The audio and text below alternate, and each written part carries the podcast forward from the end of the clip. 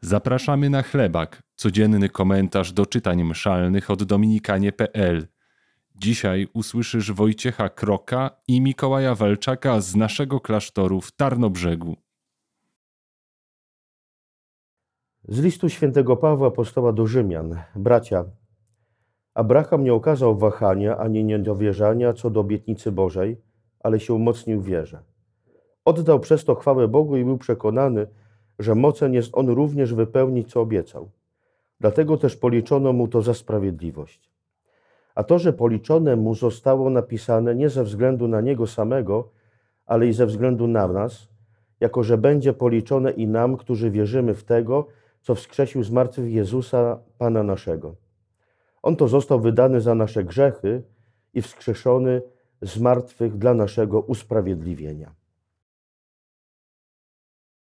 Abraham, na którego dzisiaj powołuje się święty Paweł w liście do Rzymian, jest postacią niezwykłą.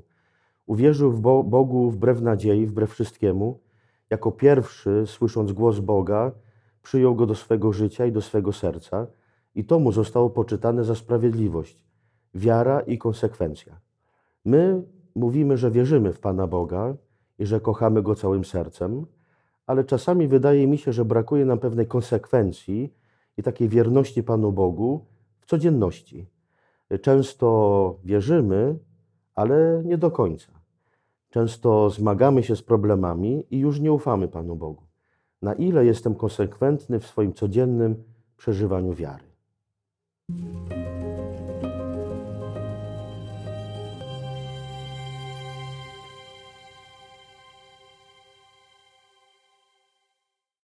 Z Ewangelii według świętego Łukasza.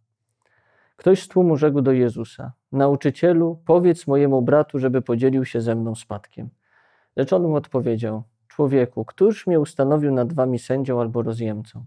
Powiedział też do nich, do nich: Uważajcie i strzeżcie się wszelkiej chciwości, bo nawet gdy ktoś ma wszystkiego w nadmiarze, to życie jego nie zależy od jego mienia. I opowiedział im przypowieść. Pewnemu zamożnemu człowiekowi dobrze obrodziło pole i rozważał w sobie, co tu począć. Nie mam gdzie pomieścić moich zbiorów. I rzekł: Tak zrobię. Zburzę moje spichlerze, a pobuduję większe i tam zgromadzę całe moje zboże i dobra. I powiem sobie: Masz wielkie dobra na długie lata złożone. Odpoczywaj, jedz, pij i używaj. Lecz Bóg rzekł do niego: Głupcze, jeszcze tej nocy zażądają twojej duszy od ciebie. Komu więc przypadnie to, co przygotowałeś?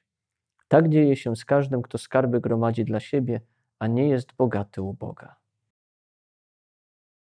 Naszym celem jest Królestwo Niebieskie. Naszym celem jest zbawienie, czyli życie z Panem Bogiem w jedności w niebie.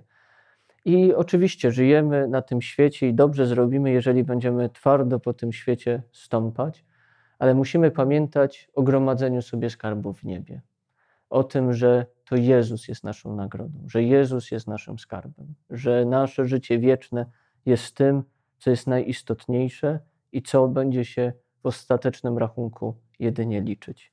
Nie chodzi o to, żeby teraz porzucać swoje bogactwa, swoje majętności, czy to, że Pan Bóg nam jakoś pobłogosławił i w naszym życiu jesteśmy szczęśliwi i niczego nam nie brakuje, ale żebyśmy mieli otwarte ręce, żeby tym, co materialne, ale też tym, co duchowe, co sobie zaskarbiamy przez naszą osobistą relację z Panem Bogiem, żeby nasze ręce były otwarte do dzielenia się z drugim człowiekiem.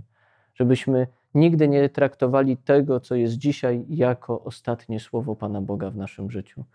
Bo ostatnim słowem Pana Boga w naszym życiu powinno być: wejdź do radości swojego Pana. Święty Łukasz nam o tym dzisiaj przypomina, żebyśmy gromadzili sobie skarby w niebie i nie zatrzymywali się w doczesności na tych, które tutaj w swoich rękach trzymamy.